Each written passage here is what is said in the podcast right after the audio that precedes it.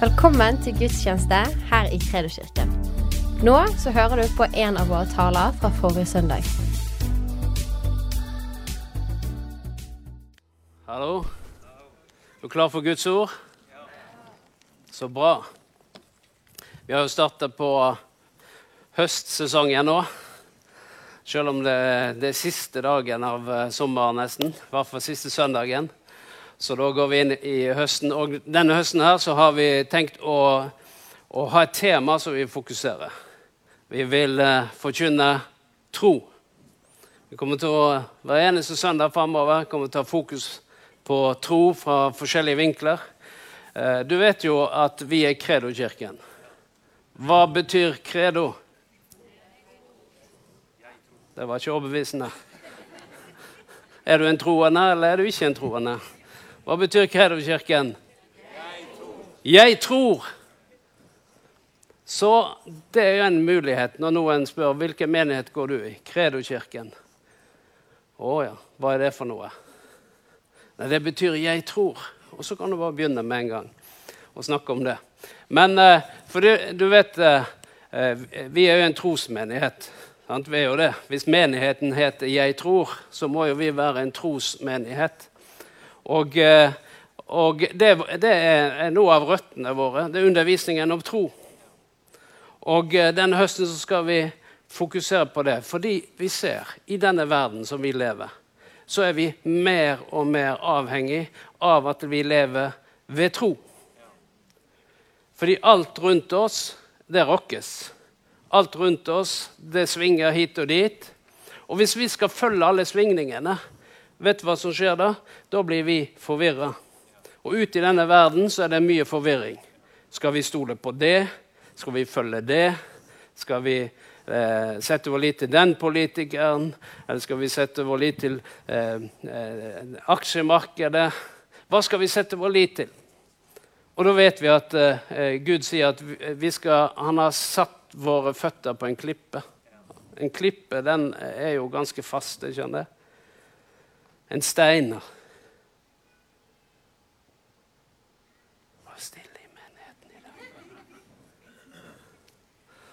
Og hvorfor bruker evangeliet bildet av Jesus som en klippe?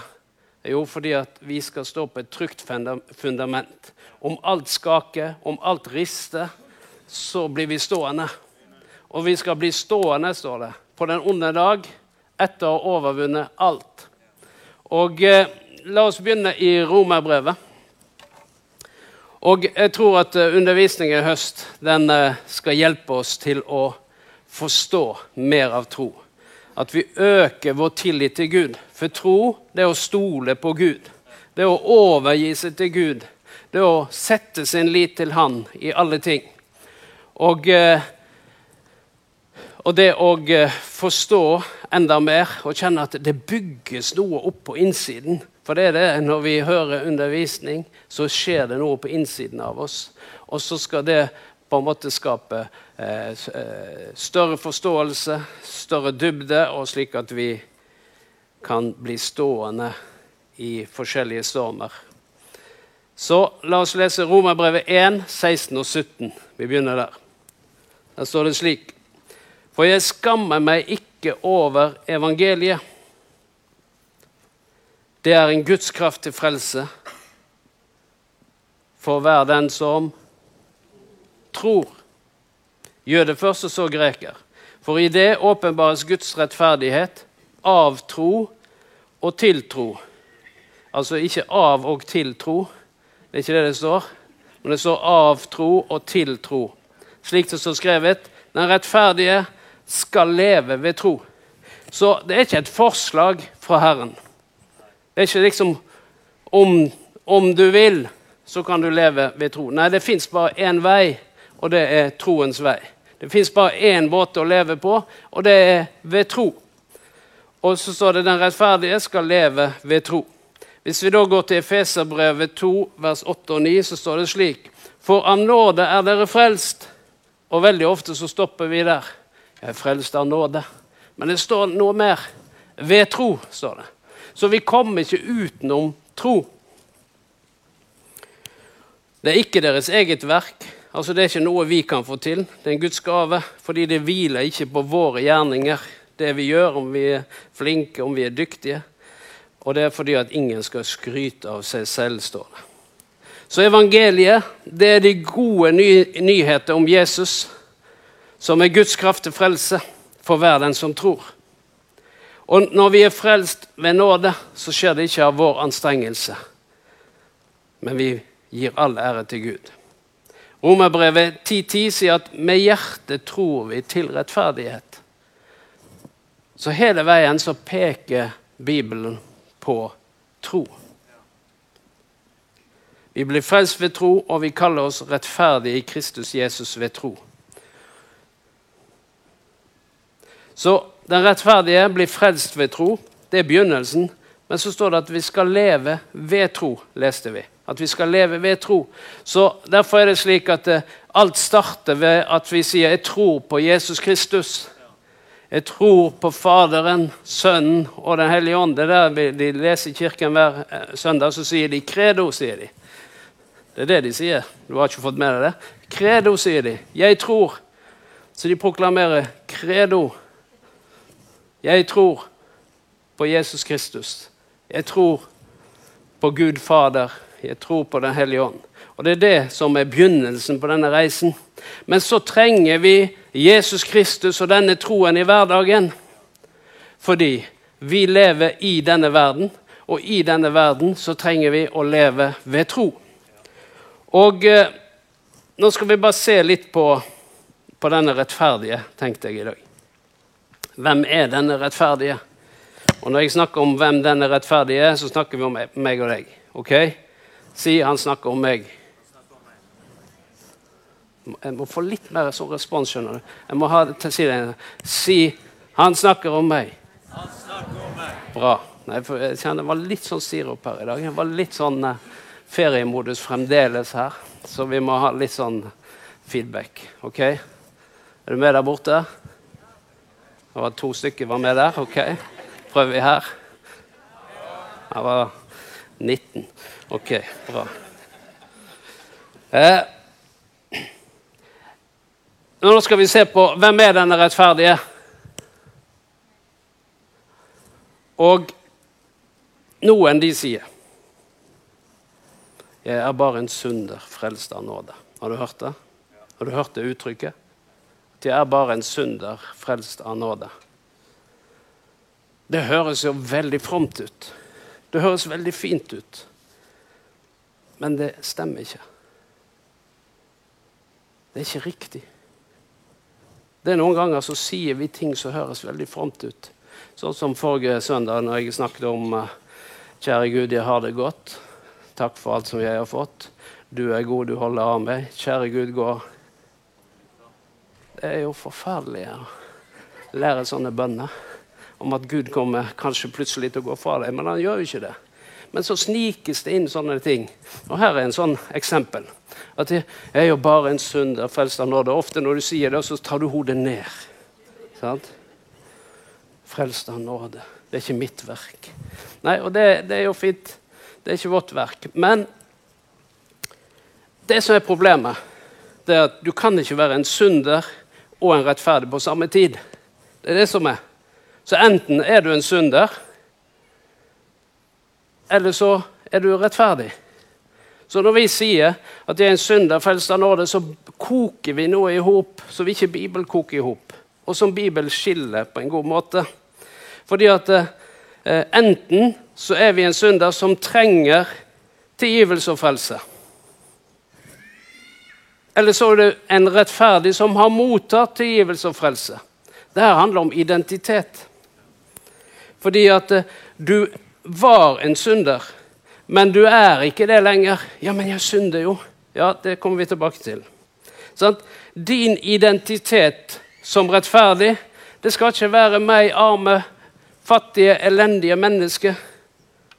Men vår identitet, det skal være at jeg er rettferdig, en ny skapning i Kristus Jesus. Og med en gang så flytter du ditt ståsted fra gjørme til klippet. Fordi hvis, hvis, vår identitet hele tiden er at uh, du er en synder, Vet du hva som kommer som neste tanke, da? Så derfor kan jeg ikke hjelpe for noe annet enn at det er synder. Jeg er jo bare en synder. Og hva er det syndere gjør? De synder. Helt naturlig. Så hvis din identitet er at jeg er bare en synder, frelst av nåde, så kommer det en snikende tanke ja, men jeg kan ikke hjelpe for det. Det er sånn jeg er. Men hvis du tenker at jeg er rettferdig, så begynner du å tenke hva, hva kjennetegner en rettferdig? Jo, 1. Johannes sier at uh, den som er født av Gud, hva er det den ikke gjør? Han synder ikke. Wow! Ja, men jeg synder jo. Ja, men du er født av Gud. Det betyr at din identitet det er ikke synd, det er rettferdighet. Fordi at hvis du er en rettferdig Og hva er det vi er rettferdig? Det er fordi at Kristus, Jesus, har rettferdiggjort oss. Så det er den personen jeg er.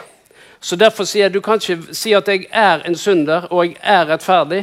Du må bestemme deg hva du er. Og det du da er, det er noe du er blitt i tro. Fordi av tro til tro, og så må vi leve ved tro. Og Derfor så vandrer vi dette nye livet. Det vandrer vi ved rettferdigheten i Kristus Jesus. Så når vi da møter ting, så møter vi det som er rettferdig. En synder kan gjøre rettferdige gjerninger, men det frelser ikke. Men en rettferdig kan gjøre syndige gjerninger. Men det fører ikke til at du mister frelsen. Jeg pleier å si Det sånn, det er forskjell å falle over bord og det å snuble i båten. Og Det er noen som tror at når du snubler, så faller du over bord, du faller ut av frelsen. Men det er jo ikke sånn at vi er inn og ut av frelsen hver gang et eller annet skjer i våre liv. Vi er frelst, men fordi at vi er i denne kroppen, så er vi ikke fullkomne. Derfor skjer det saker. Men vår identitet det er at jeg er en nyskapning i Kristus Jesus. Og Derfor så var det en Nikodemus som kom til Jesus. Du kan lese om det i Johannes 3. Han tenkte som så at eh, jeg gjør så godt jeg kan. Hva skal til for at jeg skal komme inn i Guds rike? Så sier han du må bli født på ny, sier Jesus. For du kan ikke se Guds rike uten å bli født på ny. Og Der står det dette ordet 'født på ny' kan også oversettes 'du må fødes ovenfra'. Og eh, når vi blir født ovenfra, så blir vi født av Gud. Og så sier han i vers 5, Johannes 3 det, det som er født av kjøtt, er kjøtt, og det som er født av ånden, er ånd. Undre deg over, ikke over at jeg sa til deg, dere må bli født på ny. Det er slik For å forstå Guds rike så trenger vi en ny, ny fødsel og en ny identitet. Det er vanskelig å forstå Guds rike fra utsiden. Det er derfor vi som kristne mange ganger blir misforstått. Evangeliet sier, Romerbrevet sier at eh, det er en dårskap. Eller først Korinterbrevet sier at det er en dårskap. Det som vi forkynner ord om korset, er en dårskap. Altså det er idioti. Og hvis du da flytter side her, og ikke en kristen, men ser det fra utsiden, så er det idioti, det vi holder på med, fra et verdenssynspunkt. Det er jo fantasier. Det er, helt, det er jo håpløst, det vi holder på med. Det går ikke an å tro på, eh, på at en mann døde og så opp igjen. det er denne opplevelsen som er på utsiden. Det er fordi at en forstår ikke evangeliet. For hvordan forstår du evangeliet? Du må bli født på ny. Det skjer noe på innsiden når vi fødes. Plutselig så kommer Guds ånd på innsiden i oss. Og Derfor er det sånn at den rettferdige som vi snakker om nå, den har en naturlig fødsel, og så har den en overnaturlig fødsel.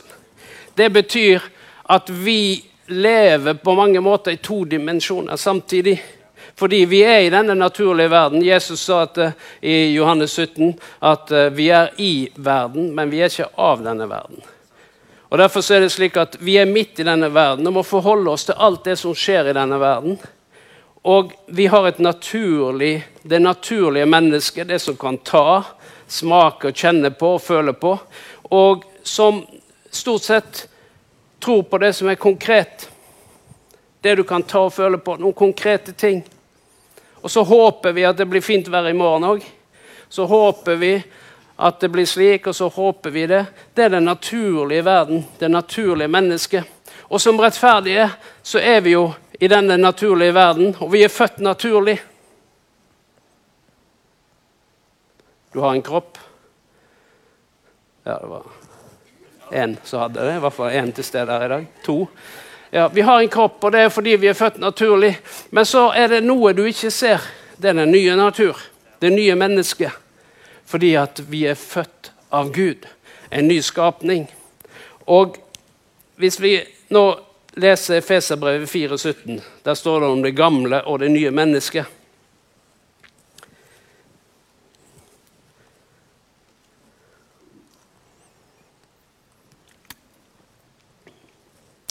Så ber jeg dere inntrengende i Herren. Lev ikke lenger som hedningene. Deres tanker er tomhet, deres forstand er formørket, og de er fremmede for livet i Gud. De kjenner ham jo ikke, ikke, og deres hjerte er forherdet. Avstumpet er de blitt. De har gitt seg over til utsvevende liv. De er urene og grådige i alt de gjør. Han legger ikke noe imellom han, Mr. Paulus, kan vi si. Men dere er ikke slik, sier han. Dere har gått i lære hos Kristus. Dere har hørt ham og fått opplæring i ham ut fra den sannhet som er i Jesus. Lev da ikke som før, men legg av det gamle mennesket som blir ødelagt av de forførende lystne. Bli nye i sjel og sinn. Kle dere i det nye mennesket som er skapt i Guds bilde, til et liv i sann rettferd og hellighet. Her sier han at eh, vi skal ikke leve som før. Vi skal legge av det gamle mennesket. Så skal vi ikle oss det nye mennesket. Men så sier han noe hvordan Før vi blir født på ny, men så skal vi ikle oss denne nye fødselen. Og det sier han om her. Hvordan skjer denne Hvordan ikler vi oss den nye fødselen? Så står det her ved å bli fornyet i sjel og sinn. Hva er det vi snakker om da? Vi får snakke om at det, det fins en naturlig tankegang. Det fins en tankegang som fins i denne verden. Og så fins det en Guds rikes tankegang. Og den er annerledes. Og noen ganger så er den på direkte kollisjonskurs med hverandre. Og det forstår ikke vi hvis ikke vi vil fornye i og eh, sinn og tanke. Fordi det som da skjer, det er at vi tar tankene i denne verden og så prøver vi å bruke de inn i Guds rike, men det fungerer ikke. Men Guds rikes tanker fungerer i denne verden, men det fungerer ikke motsatt. Fordi at vi kan eh, Det står at eh, det, det fins en tro som overvinner verden, står det i Johannes 4. Og det er det vi snakker om her. Og denne troen den begynner som en spire på innsiden fordi vi blir født på ny. Men så skal denne troen den skal forvandle sinn og tanke.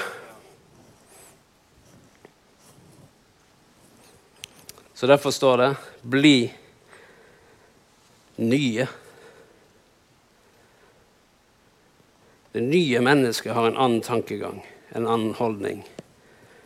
Og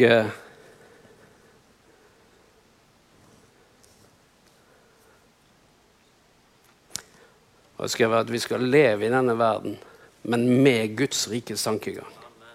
Og hvor finner vi Guds rikes tankegang? Hvor finner vi det henne? Finner vi det i filosofi? Finner vi det i psykologi? Hvor finner vi det?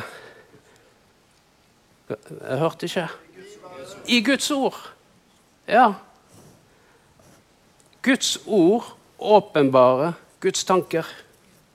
Så hvis vi skal lære oss og hvis sinnet vårt skal fornyes og forvandles, så er det gjennom Guds ords tankegang, gjennom Guds ords instrukser.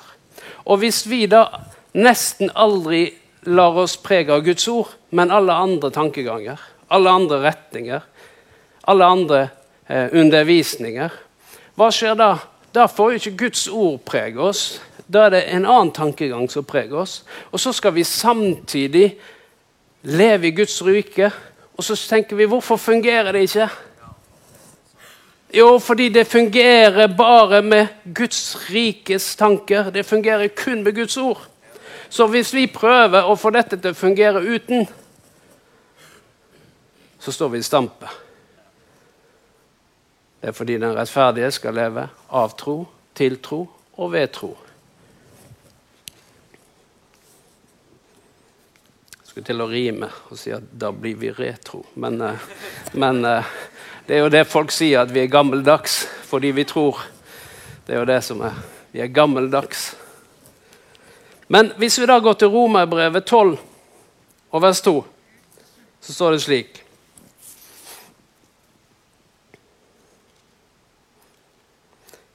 Innrett dere ikke etter den nåværende verden, men la dere forvandle.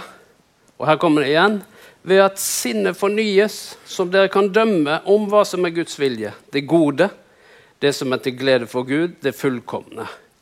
Så det er så at Enten så blir vi altså forma av samfunn og den tankegang og norm som er rundt oss, eller så blir vi forma av Guds rikes tankegang.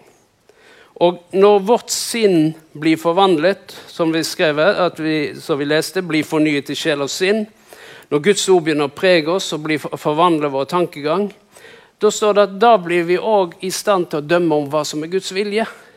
For det er det som er. Det er at Mange ganger forstår vi ikke Guds vilje fordi det, det, vi har andre referansepunkt enn Guds ord.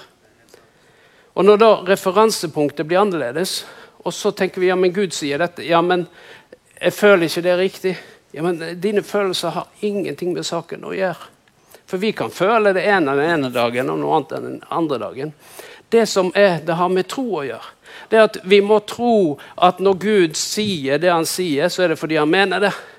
Det er ikke et forslag, men det er faktisk at eh, hvis du følger disse rettesnorene, da kommer det til å gå deg godt. Hedre din far og mor, så skal det gå deg godt. Og du skal få leve lenge i landet, står det. Er det liksom bare et forslag fra Gud? Nei, det er Guds prinsipp. Så hvis du da hedrer mor og far, så skal det gå godt.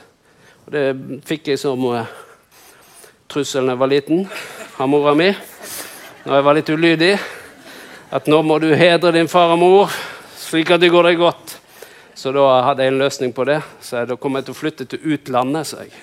For det var jo i landet det skulle gå deg godt. Så ja da. Det Er det du kaller sånn lite opprør? Men i hvert fall, dersom vi ikke forstår Guds rikes tanke, så vil vi heller ikke forstå Guds vilje. Men den rettferdige den lever ved tro. Det er fordi han stoler på Gud og han stoler på Guds ord. Og hva gjør den rettferdige da? Han innretter sitt liv og tanke etter Guds liv og tanke. Og plutselig så blir det harmoni mellom vårt liv og det du leser i boka. Det som gjør at vi ofte blir frustrert og kommer i konflikt, det er fordi at vi vet at når vi leser i denne boka, og så ser vi på vårt eget liv, og så er det stor avstand mellom det. Og så tenker vi ja, men hvordan skal jeg få dette til? Det første begynner med at vi omvender oss hvis det er ting som vi holder på med, som vi vet ifølge denne boka at eh, det bør vi slutte med. Det er jo steg nummer én. Vi bekjenner, vi omvender oss, og så tar vi imot tilgivelse.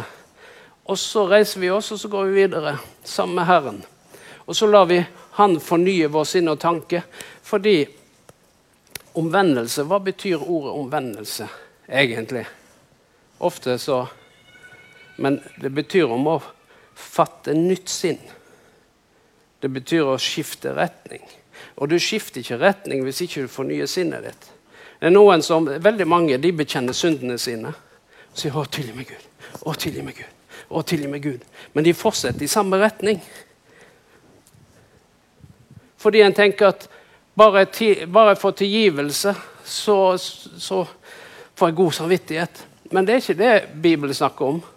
At vi hele tiden skal be om tilgivelse. Han sier 'omvend dere', sier Jesus stadig vekk. Omvend dere, det betyr forny sinnet, fatt nytt sinn. Men fordi når vi skifter nytt sinn, så skifter vi retning. Det som er problemet, det er at vi skifter ikke sinn, vi ber om tilgivelse, og så fortsetter vi i samme retning. Men denne boka her, Guds ord, og når vi kjenner at Jesus Kristus blir levende på innsiden, og vi kjenner jeg får tro i mitt indre, så skifter det hele tankegangen. Jesaja 55, hva sier den? Mine tanker er ikke deres tanker, og deres veier er ikke mine veier, sier Herren. Og som himmelen er høyt over jorden, slik er mine veier høyt over deres tanker, og mine tanker høyt over deres tanker. Det betyr at Guds tanker og Guds veier den er annerledes enn våre naturlige tanker og veier.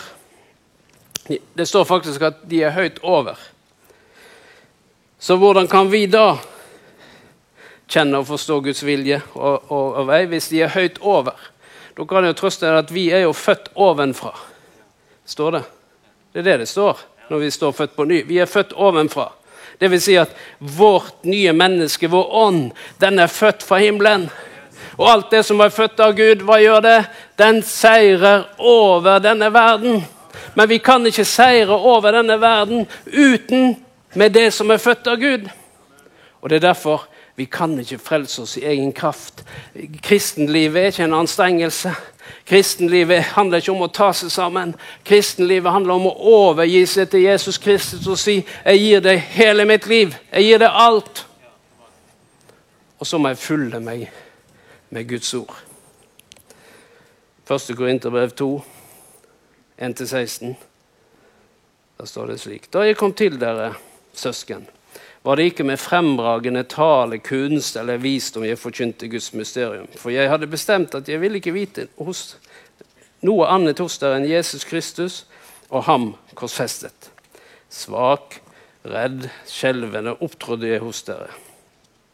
Jeg forkynte ikke mitt budskap med overtalende visdomsord, men med ånd og kraft som bevis, for at deres tro ikke skulle bygges på menneskelig visdom, men på Guds kraft.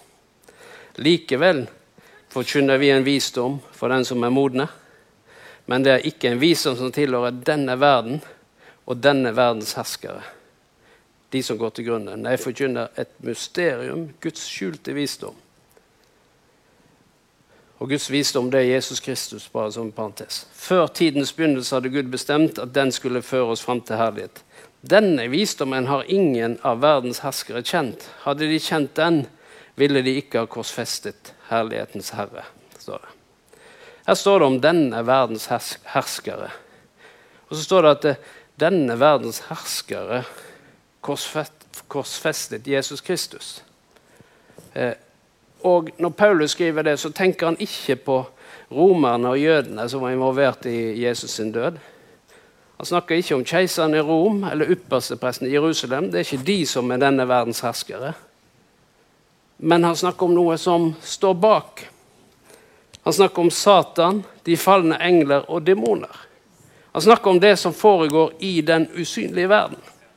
Og så er det interessant å se da at det, var jo noen mennesker som gjorde Selv om Paulus sier at det var denne verdens herskere som korsfestet Jesus, men han gjorde jo det gjennom noen folk med kropper som tok Jesus, korsfestet han.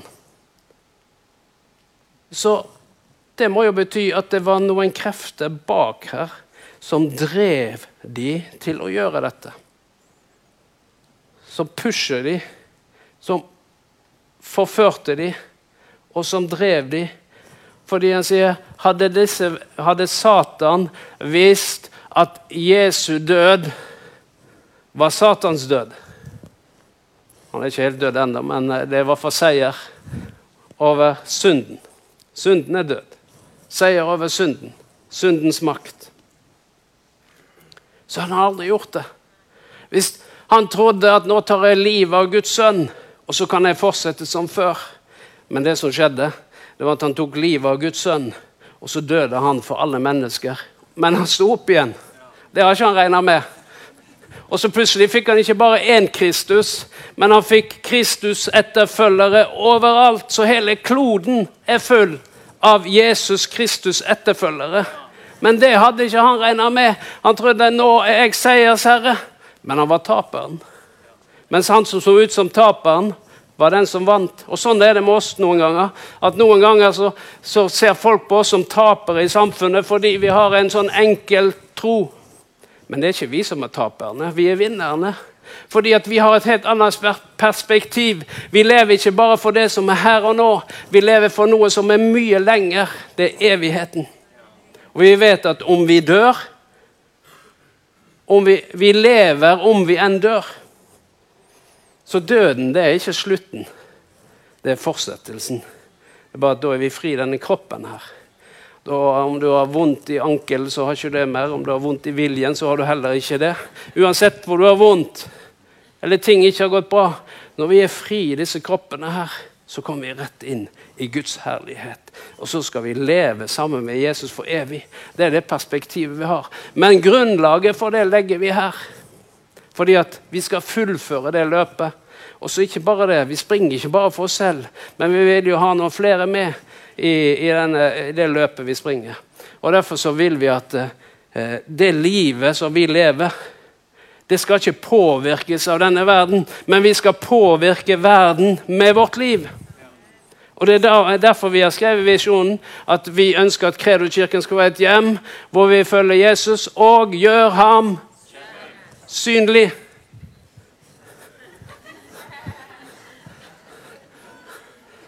For Jesus er kjent.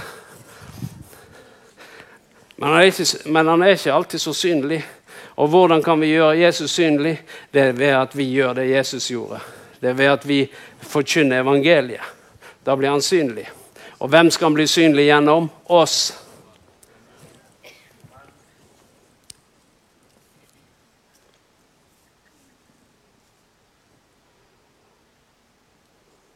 Skal vi se hvor jeg var nå. Vår tro er på Jesus Kristus, som er Guds visdom og Guds kraft. Og det som er de samme verdensherskere som korsfestet Jesus Kristus, tror du de har tatt ferie?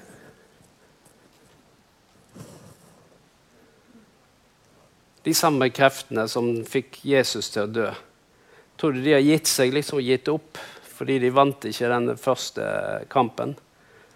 Nei, de er like virksomme i dag. Og Derfor ser vi fremdeles sammenheng mellom filosofier og tankesystemer og agendaen til denne verdens herskere. Hva tenker du på da? Jeg tenker på abort, f.eks.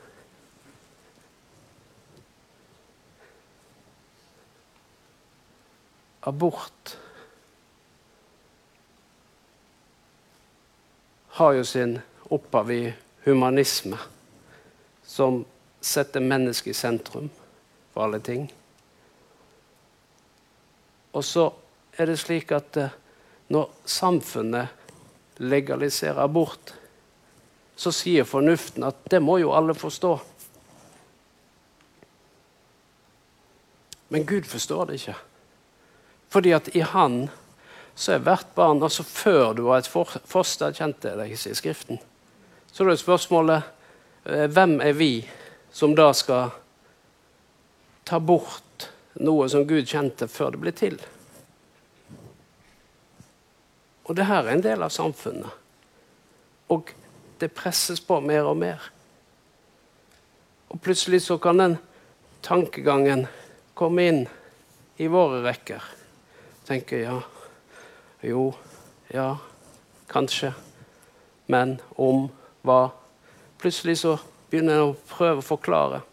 Og på forskjellige vis så kan det være slik. Jeg tenker på Israel, f.eks.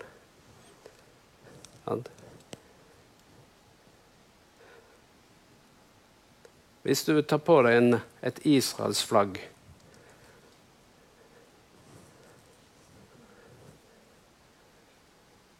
og gå på visse plasser. så kan du risikere å bli mobba bare pga. det. Fordi det er en oppfatning av Israel som nasjon. Mens Skriften sier at vi skal velsigne Israel. Betyr det at uh, alt Israel gjør, er riktig? Nei. Fordi vi lever i denne verden. Men det er det at uh, Gud har en plan. På samme måte som han har en plan med oss, så har han en plan med Israel. Og han har demonstrert sin plan med Israel gjennom mange tider. Kirken Kirken blir forfulgt, og den kommer til å forfølges. Og jeg tror ikke det blir mindre av det framover. Fordi hvis vi ser på den vestlige verden, hvis vi ser på den tredje verden, der er det jo sånn at uh, de, eh, det er ikke så lenge siden vi leste om en kirke i Nigeria hvor 100 stykker ble drept. Av muslimene som kom der. Tok livet av 100 stykker. Så det er noen som betaler en høy pris for å stå for evangeliet. Det er noen som må flykte for sin tro.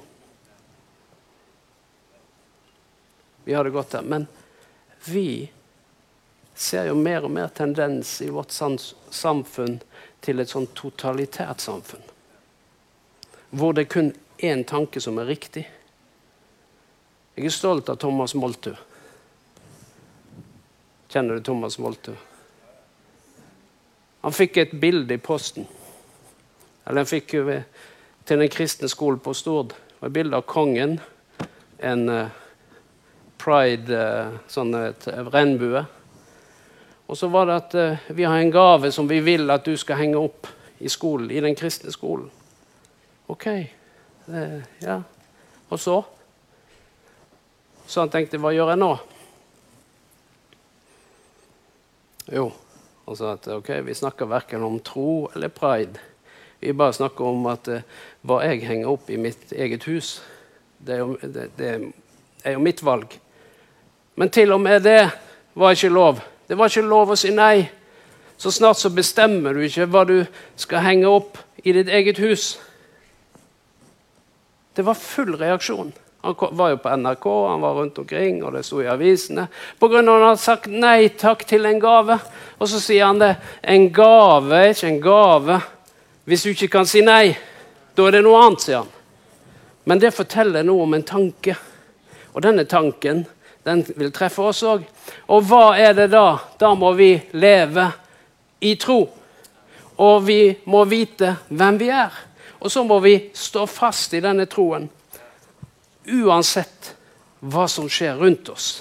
Fordi vi skal ikke driftes verken til høyre eller venstre. Men det som er, det er at som rettferdige så kan vi leve etter Guds vilje. Vi fortsetter i vers 9 nå. Prater vi litt bort innimellom. Det er mye her som jeg ikke har hadde tenkt å si, som jeg sier. Så derfor blir det litt sånn annerledes av og til. Men her står det Det som, eh, det som intet øye så og intet øre hørte, det som ikke kom opp i noe menneskes hjerte, det som Gud har gjort ferdig for den som elsker ham, det har Gud åpenbart oss ved sin ånd. For ånden utforsker alle ting, også dybden i Gud. Hvem andre enn menneskets egen ånd vet hva som bor i et menneske? Slik vet heller ingen andre enn Guds ånd hva som bor i Gud. Vi har ikke fått verdens ånd, men en ånd som er fra Gud, for at vi skal forstå hva Gud i sin nåde har gitt oss. Om dette taler vi ikke med ord som Ånden har lært oss, ikke med ord som menneskelig visdom har lært oss. Det åndelige tolker vi med ord som hører Ånden til. Slik mennesket er i seg selv, kan de ikke ta imot det som hører Guds ånd til. Det, eh, det er dårskap for dem, og de kan ikke fatte det. For det kan bedømmes bare på åndelig vis. Men det mennesket som har ånden, kan dømme om alt og selv ikke bedømmes av noen. Hvem kjente Herren sin, så han kan gi han råd? Men vi har Kristi sinn. Her står det at den rettferdige kan forstå Guds tanker og veier. Det er det det egentlig står her. At vi kan forstå det fordi vi har fått Guds ånd. Og så står det vi har ikke fått verdens ånd, men den ånd som er fra Gud. For at vi kan forstå hva Gud i sin nåde har gitt oss. Og I Hebreabrevet 11,1 står det at ved tro forstår vi at verden ble formet ved Guds ord. Eller ble skapt ved Guds ord. Altså, ved tro forstår vi. Altså, Det naturlige mennesket forstår ikke at verden er skapt ved Guds ord. Og Derfor kommer det andre teorier. Kommer det darwinisme, utviklingslære og alt det der. Det er fordi at vi klarer ikke å gripe det med hodet vårt. Men så står det her ved tro forstår vi det. Altså, Vi forstår det ikke ved den naturlige tankegangen, men ved tro. Og sånn er det med, og det er begynnelsen på troskapittelet i Hebreabrevet 11. Og så står det 'ved tro så gjorde de det', og 'ved tro så gjorde de det', og 'ved tro så gjør de det'. Så står det hele veien. Og så står det i begynnelsen på kapittel 12 at Jesus han er troens opphavsmann og fullender. Derfor når vi følger Jesus, når vi følger han i tro, så skjer det noe med også vår innstilling.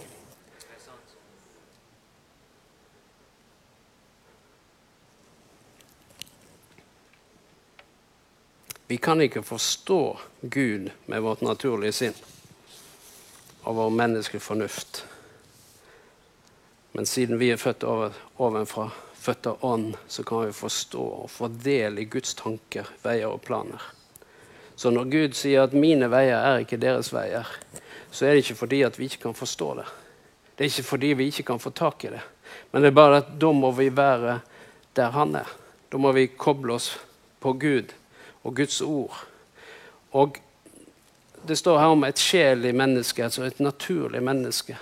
Og det, og det, er noen ganger sånn at det naturlige klarer ikke å gjøre ting. Og Derfor trenger vi instruksjoner fra Gud. Fordi det passer ikke. Altså, eh, for eksempel, eh, Hvis vi tar tiende, da. Så er det det naturlige mennesket Det vil si, jeg har ikke råd å gi tiende. Men det rettferdige mennesket vil si jeg har ikke råd å la være å gi tiende. Det er to vidt forskjellige vinkler på samme problem eller utfordring eller velsignelse. Alt etter hvordan du ser det. Men det er noen som sier nei, du skjønner, jeg har ikke råd å gi tiende. Ok, du har ikke råd til det. Ja, jeg har alltid tenkt sånn at jeg har ikke råd å la være å gi tiende. Altså gi 10% av inntekten din til menigheten, til Guds rike. Og veldig mange, hvis vi snakker om dette med den rettferdige skal leve ved tro Så hvis vi bare begynner der, så begynner det å brytes med en gang. Allerede der så begynner vi å brytes. Hva med For pengene Gud vil sette oss fri i forhold til dette med penger. Fordi han vil at vi skal være fri til å gi. Og Derfor vil han løse oss fra penger. For mange, mange herrens år siden så drev Herren på å, å undervise meg om det. Begynte å lære meg om det. Og eh, jeg dro på bibelskole og, og levde i tro. Og eh, jeg hadde en tanke. Jeg hadde forskjellige tanker i forhold til dette med penger. Jeg, kom til bibelskolen og eh, hadde eh, mye penger på konto, men lite tro på kontoen. Så den var ganske lav. Og Så begynte jeg å høre undervisning om Guds ord. Og hva skjedde da? Da minka pengene de minka, men troen den økte. Plutselig så ut, begynte Gud å utfordre meg til å leve og stole på han. Og Så husker jeg eh, jeg, jeg dro til, eh, hjem til mine foreldre. Og så hadde jeg ikke penger til å komme tilbake igjen. Dette var i Uppsala, jeg gikk i Sverige. Så jeg hadde penger til å komme meg hjem til Voss. De bodde på Voss den gangen. Men jeg hadde ikke penger til å komme meg hjem igjen, eller tilbake igjen til Uppsala. Så jeg var der eh, og, og, og sa ikke noe ennå, så var en gammel eh, tante i menigheten som kjørte hjem. Så når jeg eh, satte henne av, så sa hun ja, Gud velsigne deg. Det var en liten krølle sammen og penger der. Det var 500 kroner. Ok, Så jeg fant ut da kommer vi til Oslo. Så det er jo fint. Og så sier jeg til far min da at eh, Det var jo veldig fristende å spørre mine foreldre om penger. Det var veldig fristende. Men Herren sa, 'Hvem er din forsørger?' Er det meg eller foreldrene dine? Hvem setter du din lit til? Er det meg eller foreldrene dine? Så eh, sier jeg til far min kan du kjøre meg ned på jernbanestasjonen fordi at jeg, eh, jeg trenger å eh, Jeg må kjøpe togbillett så jeg kommer tilbake til Sverige. Ja da, Han kjørte nedover. Og hele tiden så visste jeg si bare et ord. Og du har, har penger til eh, Oslo. Men Herren sa nei. Hvem er din forsørger? sa han. Hvem stoler du på? Meg eller, eller foreldrene dine? Så han kjørte meg ned til jernbanestasjonen. Og jeg hadde 500 kroner og visste jeg kom meg til Oslo. Så jeg var på vei bort til billettluka. Husker det som det var i dag. Og akkurat to meter fra billettluka så hører jeg Den hellige ånd si eh, det er en telefonboks bak deg. Gå og ring den og den. Ok, Så jeg snudde meg rundt, gikk bort til telefonboksen, ringte, for det var en som var fra Voss. Og så sier han det at eh, Ja, jeg har ikke sett deg når jeg har vært her. Og. Nei, jeg er her, jeg, sa han. Og, og i morgen skal jeg til Oslo, sa han. Skal du det? Ja, det skal jeg òg. Ja, men da kan du sitte på med meg, sa han. Ok, så da snudde jeg, kjøpte ingen billett. Men han kjørte meg til den gang som var Fornebu.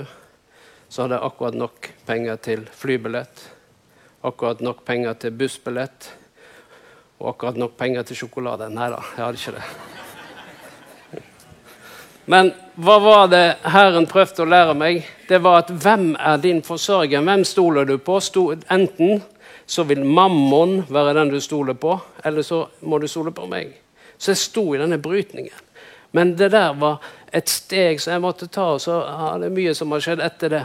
Men jeg skjønte der sto jeg på et valg. Akkurat der og da sto jeg på et valg fordi jeg måtte vandre i tro. Jeg måtte vandre i tro på at Guds ord sier at 'jeg er din forsørger'. Altså Gud sier det. 'Jeg er din forsørger'. Og så måtte jeg handle på det. Og veldig mange de går glipp av Guds mirakler. Vet du hvorfor? Fordi han slipper aldri til.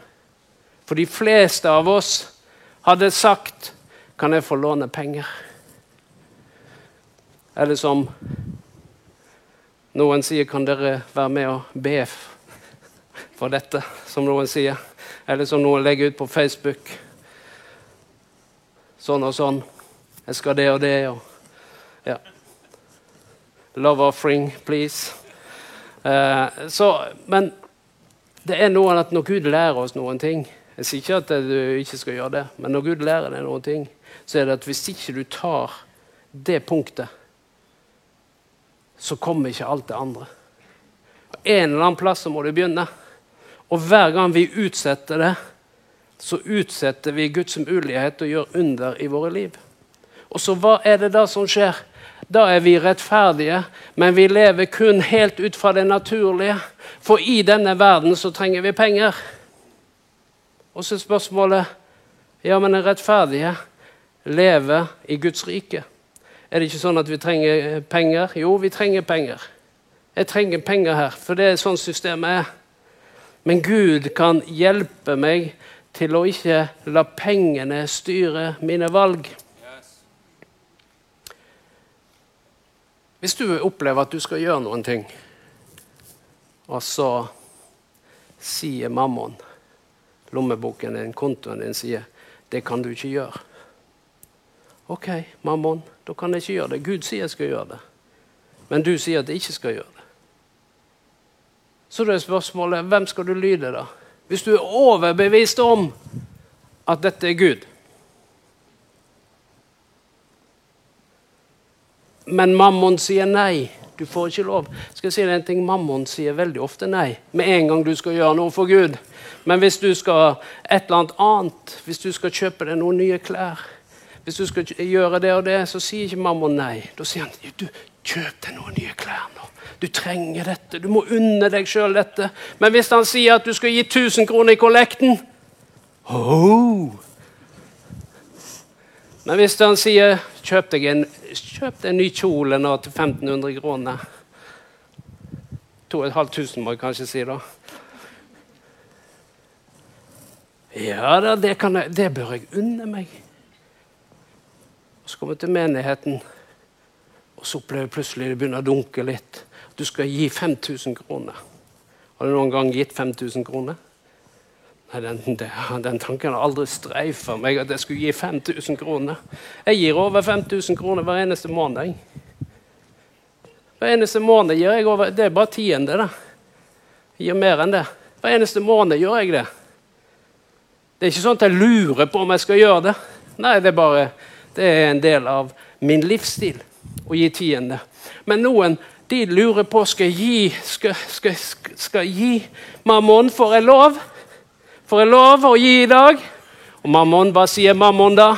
Nei, du må tenke på strømregningen, sier mammon. Du må tenke på at eh, strømmen har gått sånn opp. Og fordi strømmen har gått sånn opp, så må du nå spare. Ja, det må du gjøre. Men da må du spare på de riktige tingene. Du må ikke spare på å krympe på tiende. Du må heller spare på andre ting. Igjen så blir det stille i menigheten.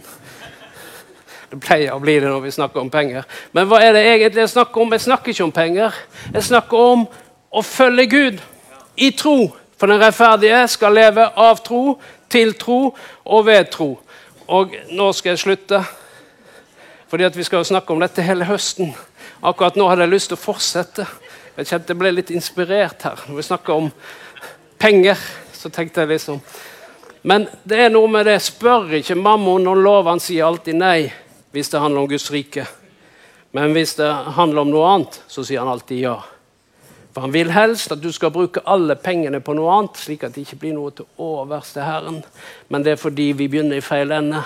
Vi skal ikke begynne å gi til Herren med det som er overs. Vi skal leve av det som er til overs. Vi gir først til Herren, først til Herren, og så lever vi av det som er til overs. Jeg pleier å si det sånn Jeg vil heller ha Guds velsignelse over mine 90 enn å leve helt naturlig med 100% Da snakker vi om penger, altså inntekten. Jeg kan leve mitt naturlige liv og bruke alle pengene på meg selv, eller jeg kan si jeg gir 10 til Herren. Så skal du se at over de 90 så flyter Guds velsignelse. Det har jeg sett igjen og igjen. Og for meg så har dette vært en livsstil. Så vi takker deg, Herre, for du har kalt oss som rettferdige til å leve i tro. Har, det er det du har sagt, at vi lever av tro og til tro fordi vi er rettferdige. Så vi bare priser deg, Herre. Vi bare takker deg, Herre. Og så ber jeg, Far, om at du skal åpenbare Skriften for oss denne høsten. Jeg ber, Herre, at du skal hjelpe oss til å forstå dette overnaturlige livet med deg. Denne dimensjonen av at der ting ser ut som det ikke går, så går det likevel. Fordi uten, uten deg, Herre, så går det ikke, men med deg så går det, Herre. Fordi at vi ønsker å involvere deg i våre liv. Vi ønsker å vandre i tro på deg i alle ting, Herre. Så Derfor ber jeg Far, at du skal hjelpe oss til å forkynne ditt ord, til å åpne Skriftene, Herre. Og at eh, troen skal øke iblant oss i løpet av denne høsten. At vi ser at ting faller på plass i våre liv utover denne høsten. Vi takker deg for det, Herre. I Jesu Kristi navn. Amen. Amen. Og den rettferdige skal leve av Og den rettferdige skal leve av Og den rettferdige skal leve av Det er ennå ikke noe trøkk her. Reis deg opp og si det. Fordi at det er litt sånn eh, Kom an.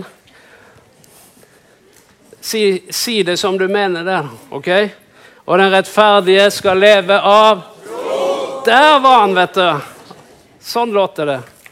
Nydelig. Tusen takk for at du lyttet. Følg oss gjerne på Instagram og Facebook, og så snakkes vi neste uke.